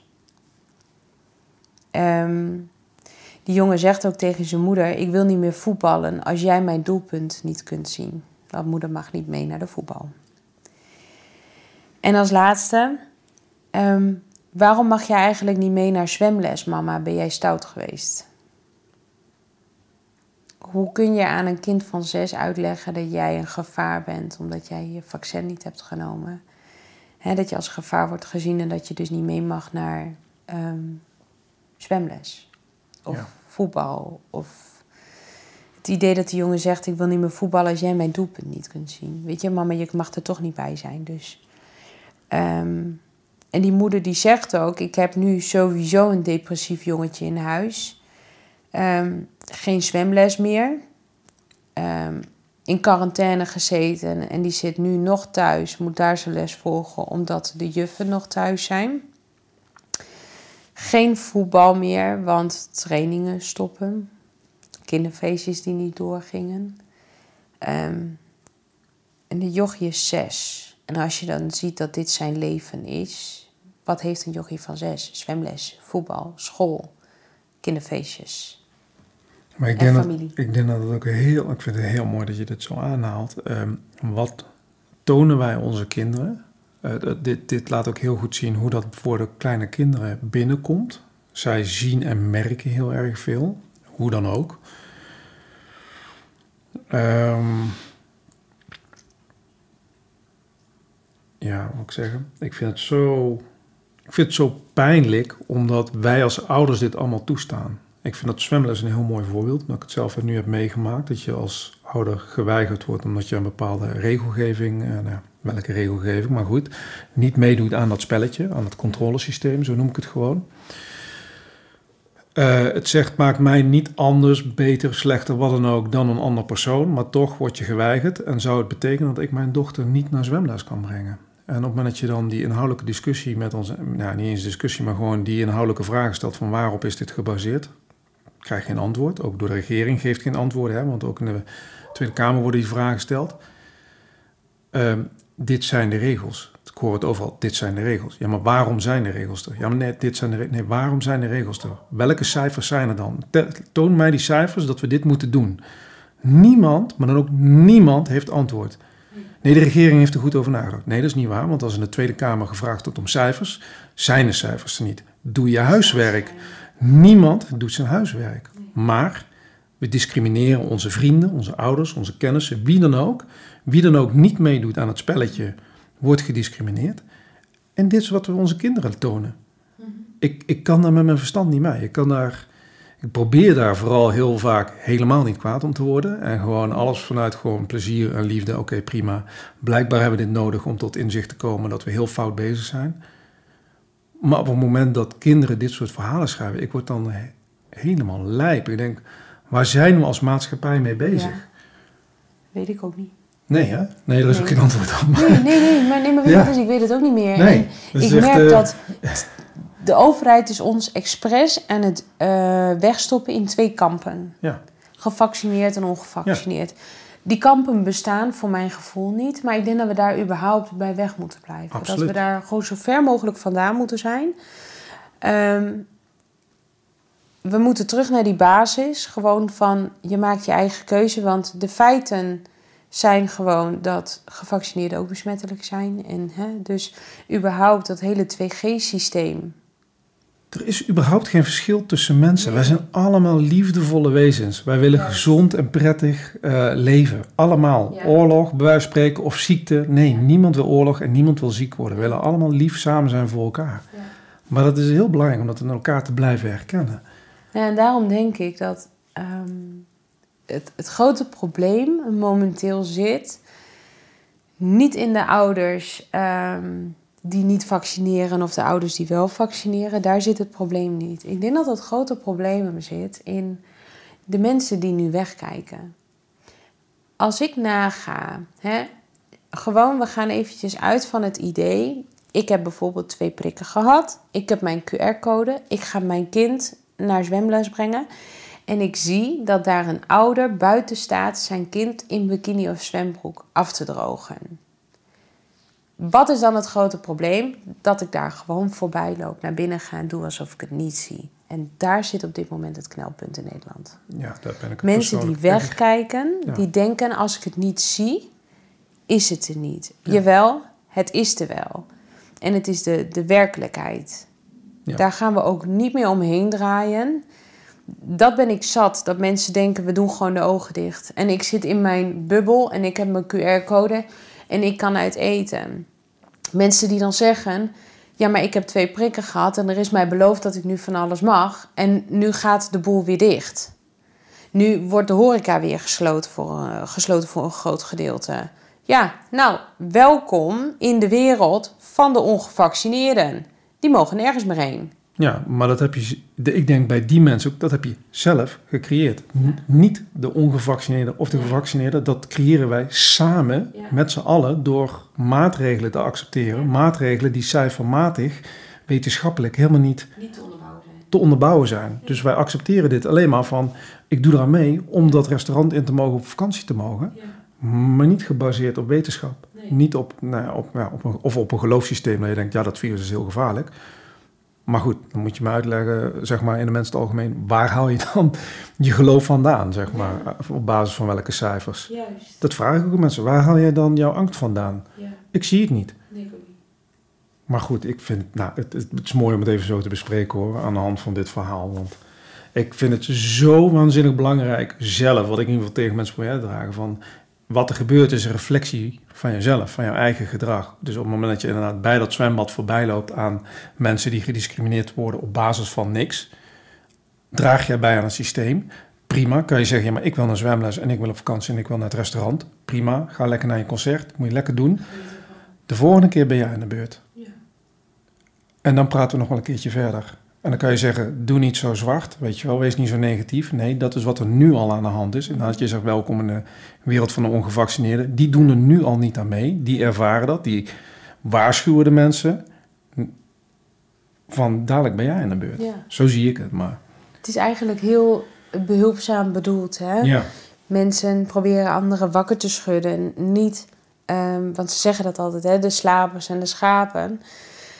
Maar het is puur wakker schudden van... kom nou even uit die hypnose. Luister nu, ik wil je behoeden voor iets. ja, En er wordt in de wind geslagen van... doe niet zo panisch, doe niet zo dom, doe niet zo achterlijk. Maar het komt uit een goed hart. Luister naar die Precies. mensen. Luister, ze zeggen dit gewoon ja, met goede bedoelingen. Dus ik. Ik vind het moeilijk. En vooral als ik dan kijk naar bijvoorbeeld... ehm, eh, zoals een Thierry Baudet. Die wordt elke keer weggezet als ehm, staatsgevaarlijk. Grote mogol wordt er gewoon gezegd. Hè? Hij is Ja. levensgevaarlijk. Hij doet voorspellingen en uitspraken die heel heftig zijn. Klopt, zijn uitspraken zijn heftig. Maar waar zijn die mensen die vorig jaar tegen hem zeiden dat hij niet goed snik was omdat hij het had over digitale paspoorten? Waar zijn die mensen nu om te zeggen: Thierry had gelijk? ja. Dat ben ik zat. Dat Hmm. we continu vooruit aan het blikken zijn. Eh, dat je mensen probeert te behoeden voor iets. Weet je, er werd al gezegd: let op, binnenkort moet je een derde prik, anders is je QR-code niet meer geldig. Kan niet. Er is met beloofd twee prikken, of soms zelfs één prik. Dansen met Jansen. En dan kunnen we weer verder. Pasboom, vorige week staat er in, het- in de trouw dat mogelijk een tweede prik niet meer voldoende is. Ja. Dat we een booster moeten gaan nemen om de, om de geldigheid zeg maar, ehm, te verlengen. En dan denk ik, daar gaat het, het grote punt zitten, het kantelpunt. Want heel veel mensen zeggen, nee, ik ben erin geluisterd, ik zou twee prikken nemen en ik wil niet meer. Dan is het niet aan ons om te zeggen, zie je wel, we hadden gelijk. Nee, Zee- nee, maar dat heeft er niks mee te maken inderdaad. nee het is Nee. bij ons dat we zeggen, geef niks, je hebt goed gehandeld, kom erbij. Ja, nou ja, precies. We zijn één. Ja, maar we zijn ook één. We zijn, met z'n allen Ja, één. daarom. Dus- we gaan maar- terug naar die basis gewoon weer. Dat iedereen dat weer gaat voelen. Los Ja. van die twee kampen. Ja. Ja, precies. Oh, wat ik nou net zeggen, inderdaad, in plaats van die twee kampen. Oh ja, dat is het ook. Ik, ik heb me echt wel verbaasd over alles wat er gaande is geweest en hoe makkelijk mensen ook zich wel lieten vaccineren. Ik ben ook een beetje boos om geweest. Dan, ja, wat doe je nou met z'n allen? Zo? Maar waar zijn we nou mee bezig? Ik begreep het niet. Ik ben het ook gaan begrijpen door te zien, maar iedereen bedoelt het heel goed. Mensen zeggen ook, ja, maar ik, ik neem die prik wel voor mijn medemens. En ik zeg, ja, maar ik neem die prik voor mijn medemens. Niet. Eh, wel omdat ik juist heel veel van mijn medemens hou, maar omdat ik geloof dat het niet de weg is om goed voor elkaar te zorgen. Ik geloof dat juist weerstand bieden tegen dit veel beter en veel gezonder is voor ons allemaal. Juist. Eh, maar daarin, en daarom zijn we ook één. We willen allemaal het beste voor elkaar. Voor onszelf, voor onze kinderen en voor elkaar. En daarin moet je elkaar ook echt gewoon vrij laten. En moet de regering ons ook vrij laten. Wat is het voor een regering die hun mening, hun visie aan hun bevolking gaat opleggen? Je mag opties en keuzes geven. En zet toe. Daarmee is het goed. Maar dat gebeurt niet meer. Nee, je hebt geen keuze meer. Nee. En dan denk ik daarom ook nu van dit is een heel mooi moment in de geschiedenis om als mensen wakker te worden. Een vervelende term ergens, maar daar komt het toch steeds wel echt, echt Jawel, op neer. Van ja. dat is het gewoon. Doe je je ogen open en zie wat er aan de hand Ja, is. ga zelf weer nadenken. Ja, ga, ja, ga zelf nadenken. Ga Blijft prachtig hè? nadenken. Ja, zelf nadenken. Maar ga dat ook doen, weet je. Laat je niet... En ik bedoel, het is ook ge- gebleken iedere keer als je dat terugziet. Hè? Ze zeggen het een, ze beloven het ene, ze doen het ander. Ja. En dat is niet één keer, dat is keer op keer. En heel veel mensen zeggen nu al, hè, wat ik bedoel, de hashtag Hugo rot op of Hugo treedt af, weet ik wat. Ehm, en en ehm, Mark uh, treedt af of zo. Weet je, die hashtags zie ik voorbij komen op Twitter dat er nu weer helemaal trending is. Ja, wat iedereen vergelijkt bijvoorbeeld met voetbal, met een coach en uh, een trainer van een team. Hè, van het functioneert niet. Dus hup, afzet en de volgende. Ja, leuk. Um, dat is prima, dan wordt het volgende poppetje op die plek gezet, weet je. Maar dan hebben we wel nodig dat mensen de vrijheid gaan krijgen, weet je. Biedt ze die vrijheid. En door het feit dat het zo gepusht wordt, dat het zo moet, dat er opeens heel veel uh, druk achter gezet wordt, denk ik, wat is je bedoeling? Wat mhm. wil je? Ja. Dat is het eerste. Waarom moet iedereen gevaccineerd zijn? Dat is mijn vraag steeds. Waarom moet iedereen? Dat bevat ik niet. Dat is nog nooit zo geweest. En nu gaan, gaan we niet argumenten gebruiken, want dat doet iedereen in het kader van volksgezondheid. Op welke manier dan? Nou ja, dat voel ik niet. Mee eens. Voel het niet. Nee, ik, ik, maar ik heb media gestudeerd, ik al zei. En vanaf het begin af aan voel ik al, de media is zo eenzijdig. Ik wist altijd al dat ze eenzijdig waren. Ze doen alsof ze verschillende kleurtjes zijn. Dat is niet. Het is nu zo overduidelijk dat er maar één agenda is, één mening. Laat ik zeggen, één mening. Ook op, op Google, Facebook, alles wordt gecensureerd het moment dat je daar bewust van wordt, dan denk je, wat is de reden dat het zo heftig gecensureerd wordt? De verhalen, dus ook de, de vaccinatieschade, er zijn zo ontzettend veel verhalen van vaccinatieschade. Echt mega, mega veel. Ze worden overal gecensureerd. Ze komen alleen maar in de alternatieve kanalen uh, voorbij. Dus moet je in de alternatieve kanalen zitten om ze te zien. Maar dan zit je al op een bepaalde frequentie, zeg maar. Dan zit je in een bepaalde uh, smaak. Ja. maar heel veel mensen die daar gewoon niet van weten, komen nooit uh, met die kennis in aanraking. Dat er heel veel andere verhalen zijn die helemaal niet goed zijn. Op het moment dat die in de massamedia gedeeld zouden worden, en de massamedia, dan zou het volk compleet anders denken. Ja. Maar goed. Als het niet op de NOS komt, dan bestaat het niet, zeggen ze. Hè? Als je nou ja, uh, buiten je geschiedenisboeken uh, op school verdiept hebt in de geschiedenis, kom je erachter dat de regering en de media nooit transparant en eerlijk zijn geweest. Nooit. Waarom zouden ze dat nu wel zijn? Maar ja. We gaan het zien. Ja. um,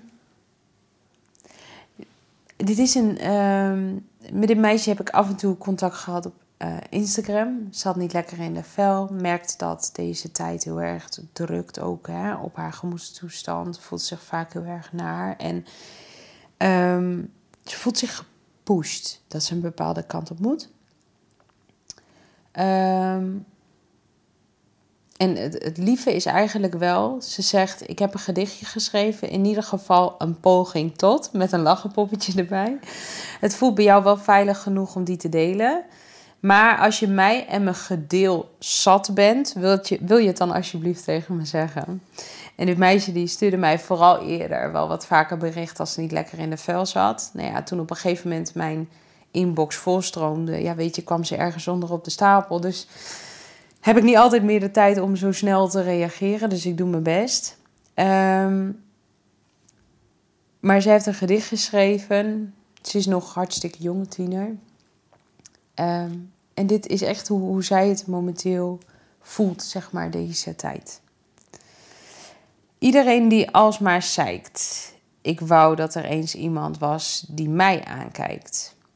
En ik weet, er staan heus wel mensen om me heen, maar toch voel ik me zo ontzettend alleen. Fysieke verbinding met een mens, dat is momenteel mijn allergrootste wens.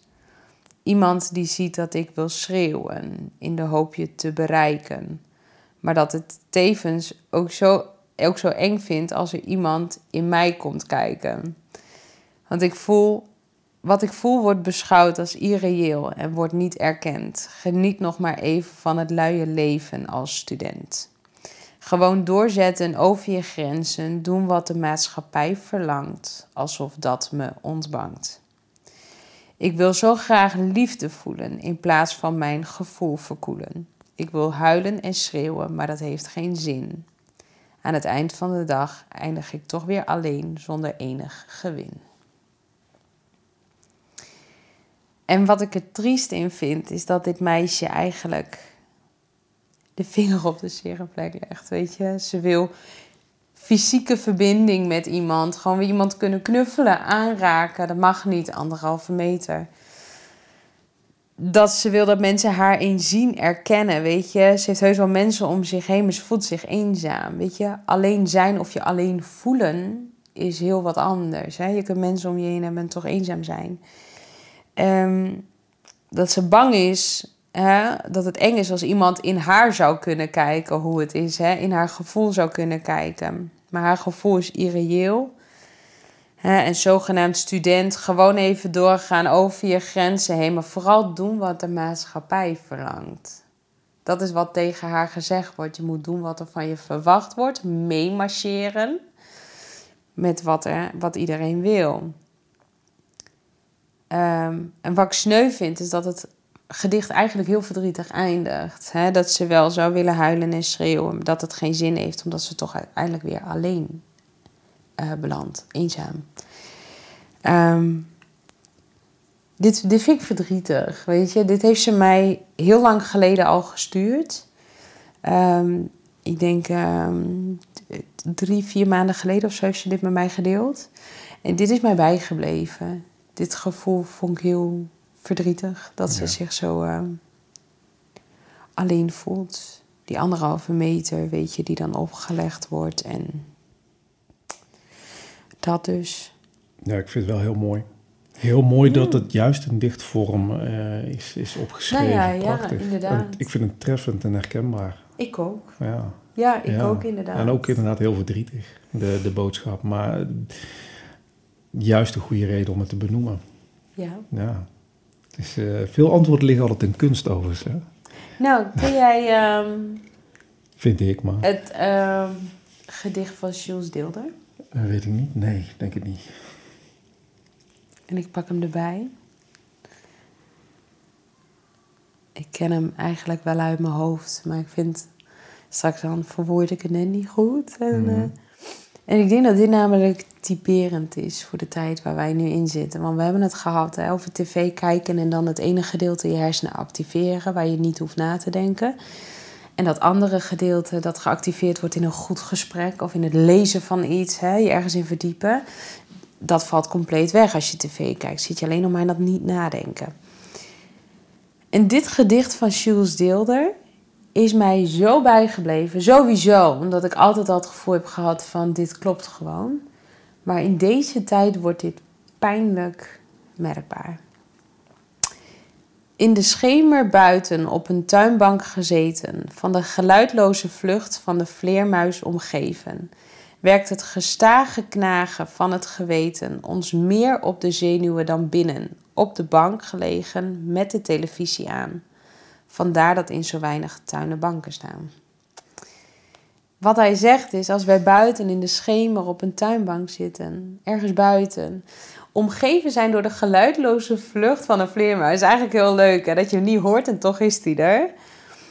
Maar dan werkt het gestage knagen van het geweten. Dat gaat op ons op de zenuwen werken. Dus op het moment dat we ergens buiten zitten, niks om ons heen horen, dan gaat ons geweten werken. En dat gebeurt meer dan als je gewoon lekker op de bank zit met de televisie aan. Ja. Dan hoef je niet na te denken, dan gaat je geweten niet spreken. En dit gedicht is zo typerend voor wat er nu in de wereld gebeurt. Ja, ja. Dit, TV kijken en niet meer nadenken in plaats van alles uit, naar buiten. Laat je geweten maar spreken. Ik vind het een prachtig gedicht en het legt, zoals je het zegt, precies de vinger op de zere plek. Ik, zal, ik zal mijn mening er eens even ingooien. Maar wat, wat ik hier heel erg in terughoor, dit is echt puur de massahypnose die aan de hand is. Zeg maar. Op het moment dat mensen niet naar de tv en de regering en wat dan ook zouden luisteren, zouden ze dit gedrag niet vertonen. Want ze zouden het niet, zou niet zichtbaar zijn. Nee. Zeg maar, het zou niet eens nodig zijn. Er is iets gecreëerd waarin wij blijkbaar zijn geloven als maatschappij en daardoor op ons gedrag gaan doen. Op basis van wat, wat de tv en de media ons zegt. Op het moment dat je luistert naar je intuïtie, doordat je net gewoon buiten gaat wandelen, op een bankje gaat zitten, naar jezelf gaat luisteren zou je heel ander gedrag vertonen. Mhm. Dan gaat je geweten spreken. Ja. En dan denk je, shit, ik was die ouder die naar zwemles liep om mijn kind op te halen. En ik liep die vrouw die buiten haar kind stond af te drogen, liep ik zo voorbij. Ja. Als je na gaat denken, zonder tv aan, zonder radio aan... en gewoon eens je geweten laat spreken... dan kom je erachter dat we allemaal daaraan bijdragen. Precies, maar drie jaar geleden of twee jaar geleden... zouden we het nooit normaal hebben gevonden. Nooit. Alleen in het huidige beeld wat er gecreëerd is... Wordt het goedgekeurd? Vinden we het goed. En, maar ik, en daarbij wil ik wel zeggen, het is nooit verkeerd. En ook voor mij of wie dan ook... ik doe dat ook steeds weer... blijven reflecteren hoe heb ik me vandaag gedragen? Voelt het goed voor mij? Is, mijn, is mijn geweten zuiver? Dan is het goed. Maar als ik mezelf niet in de spiegel aan kan kijken. Ik vraag, ik vraag ook heel veel mensen: kan je in de spiegel jezelf aankijken? En heel veel mensen zeggen: nee, nee, doe ik echt niet. Maar ik vind het een hele wezenlijke vraag. Ja. ik denk, ja, als je dat wel kan, dan in mijn ogen, ik noem het dan bij een soort van, ja, dat is een beetje gevaarlijk te zeggen, maar een soort van zuiver, zeg maar, een zuiver geweten. Ja, ja. Sta je krachtig in je schoenen, maar als je dat niet kan, dat is helemaal niet erg. Maar dan wringt er iets in je, in je systeem, in jezelf. En dat is Mhm. helemaal niet erg. Maar daarom is het ook een spiegel en noem het ook reflectie. Juist. Kijk naar jezelf. Kijk gewoon naar wie je bent als mens. En wat je, waar je prettig bij voelt en waar je het niet prettig bij voelt. Handel naar eer en geweten. Ja, maar ik kan me niet voorstellen dat veel mensen zich prettig voelen bij iemand voorbij lopen bij. Nou ja, nou dat, dat mensen buiten staan bij een restaurant en jij zit binnen. Ik kan me niet voorstellen dat mensen zich daar prettig bij Ik voelen. ook niet. Maar ik denk dat dat komt omdat ehm, onze aard niet zo is. En er zijn genoeg mensen die het prima vinden. Ja. Tenminste, als ik... Ik volg die discussies op Twitter wel eens. Heftige discussies onderling. En als ik dan lees dat mensen zeggen van... ik vind het prima dat die vieze ongevaccineerden er niet meer in komen... Of hè, hè, eindelijk hebben we de QR-code geïntroduceerd in de horeca. Dan hoeven we ook eindelijk die wappieverhalen niet meer te horen. Weet je wel zo? Wij zijn niet zo. Dus wij zouden die dingen ook nooit op die manier zeggen. Weet je, maar er zijn mensen die dit echt vinden en voelen. Ik weet niet of het in hun aard zit dat ze het oké vinden om mensen buiten te sluiten en het vervolgens rechtvaardigen. Dat weet ik niet, want ik geloof nog altijd dat de mens eh, diep van binnen dat niet doet. Een enkeling is misschien zo opgegroeid en heeft het idee gekregen dat dat oké is geweest in zijn of haar leven. Maar ik wil niet geloven dat dat de aard van de mens is.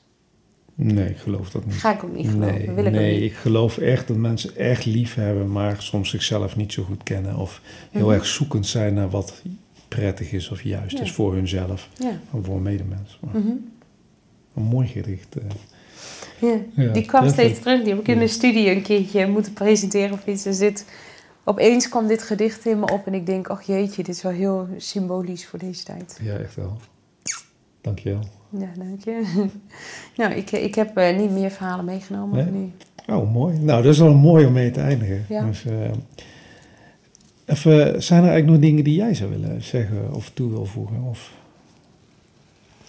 Ehm, ik weet het niet. Weet je, ik. ik ehm, nou ja, wat ik zei, ik merk dat ik als, als ik nu 15 was geweest of 14, had ik deze wereld niet aangekund. Dat weet ik van mezelf. Dus ik wil ook alle jongeren gewoon een hart onder de riem steken. Weet je, wees trots op wat je hebt bereikt. Laat zien wat je kunt. En eh, we leven niet voor niks op dit moment. Dit kunnen wij aan samen. En ik heb zoiets van, weet je, laat het allemaal maar gekker worden. Want dan wordt het nog zichtbaarder voor de mensen die het niet willen zien. Er zijn mensen die het bewust niet willen zien. Laat het maar gebeuren, weet je. En wat jij over die spiegel vind ik eigenlijk wel heel mooi. Want vaak denken mensen goed te handelen. En hè, als ze zichzelf dan laten aankijken... dan denken ze, oh nee, ik heb toch niet helemaal naar eer en geweten wat gedaan. Ehm, het is wel heel erg belangrijk dat je weer teruggaat naar die basis. Weet je, wie ben ik en hoe zou ik willen dat anderen mij behandelen in mijn leven? En vanuit daar kun je gaan handelen zelf. Kun je andere mensen op een manier behandelen. Kijk, ik leer mijn leerlingen altijd, je doet het goed of het is een leermoment. Ik zeg, het is niet fout. En dat is ook voor de mensen die nu nog compleet meegaan in dit hele systeem. En die, voor mij voelt het de poppenkast. Het is niet fout. Het is oké. Op dit moment is dit jouw pad in het leven. Er komt een moment waarop je denkt: wat ben ik eigenlijk aan het doen? Het is niet fout wat je hebt gedaan, helemaal niet. Het is een leermoment. Want vanaf dat moment kun je zeggen: ik ga het nu anders doen, ik ga het beter doen. Ja. Dat is het leven. Ja, mooi gezegd. En dat geldt ook inderdaad voor ieder mens. Of je links, rechts, welke routes je ook pakt. Het zijn allemaal prachtige leermomenten voor ons allemaal.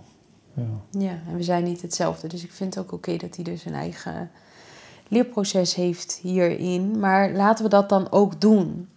Laten we gaan leren hiervan. Laten we kijken hoe het gaat, weet je. En ja, de toekomst beangstigt mij. Want ik voel wat eraan gaat komen. En heel veel, ik merk dat gewoon heel veel mensen geen idee hebben, rustig hun leven leiden. En de drukt op dit moment soms zo'n zwaar gevoel op mij van oké, er, er komt zoveel rotzooi nog aan. En we gaan wereldwijd zo'n probleem krijgen. Tenminste, dat denk ik.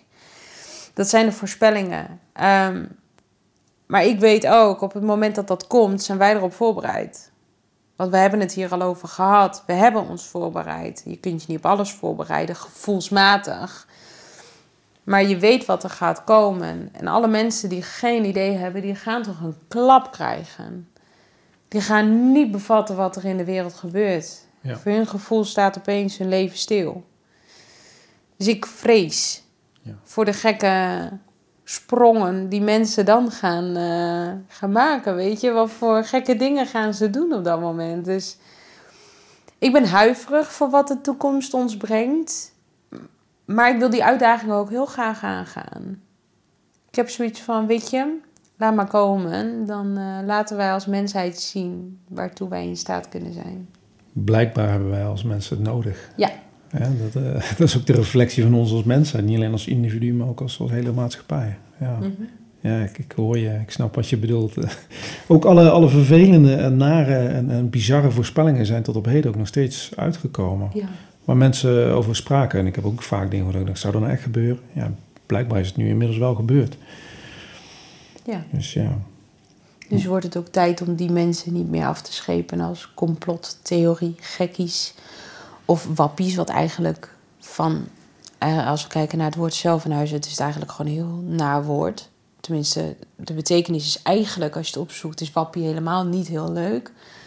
Nee, maar dan denk ik, noem die mensen niet meer zo, noem ze waarzeggers, noem ze voorspellers. Want alles wat ze hebben gezegd is uitgekomen. Dus ga eens luisteren naar die mensen. Sowieso goed om naar elkaar te blijven luisteren ook, ja, absoluut. Ja. absoluut. Mag ik jou echt heel erg bedanken. ik vind het echt fantastisch dat je dat zo uh, met mij in gesprek willen gaan. En, uh, en ook de verhalen van de jongeren hebt willen delen. Ik wil ook op deze manier de jongeren ook heel erg bedanken dat ze deze verhalen gedeeld hebben. En ook persoonlijk eigenlijk alle jongeren en ook alle mensen die zich herkennen hierin. Ja, gewoon ook echt heel veel liefde toezenden en heel veel steun van, ja, we mhm. zijn er allemaal voor elkaar. Het maakt ook niet uit wie je bent, hoe je erin staat. Nee. En ik vind dat jij dat ook echt, daarom ben ik ook heel blij dat wij elkaar hebben mogen ontmoeten en mogen spreken. Ik vind dat jij dat ook echt heel mooi uh, vertolkt. Zeg maar. Mensen zien mij niet, maar jij bent wel een bepaald gezicht inmiddels. En jij vertolkt ook echt wel de stem van de jongeren wat dat betreft. Fijn, dank je. Heel erg bedankt. Ja, bedankt. All right.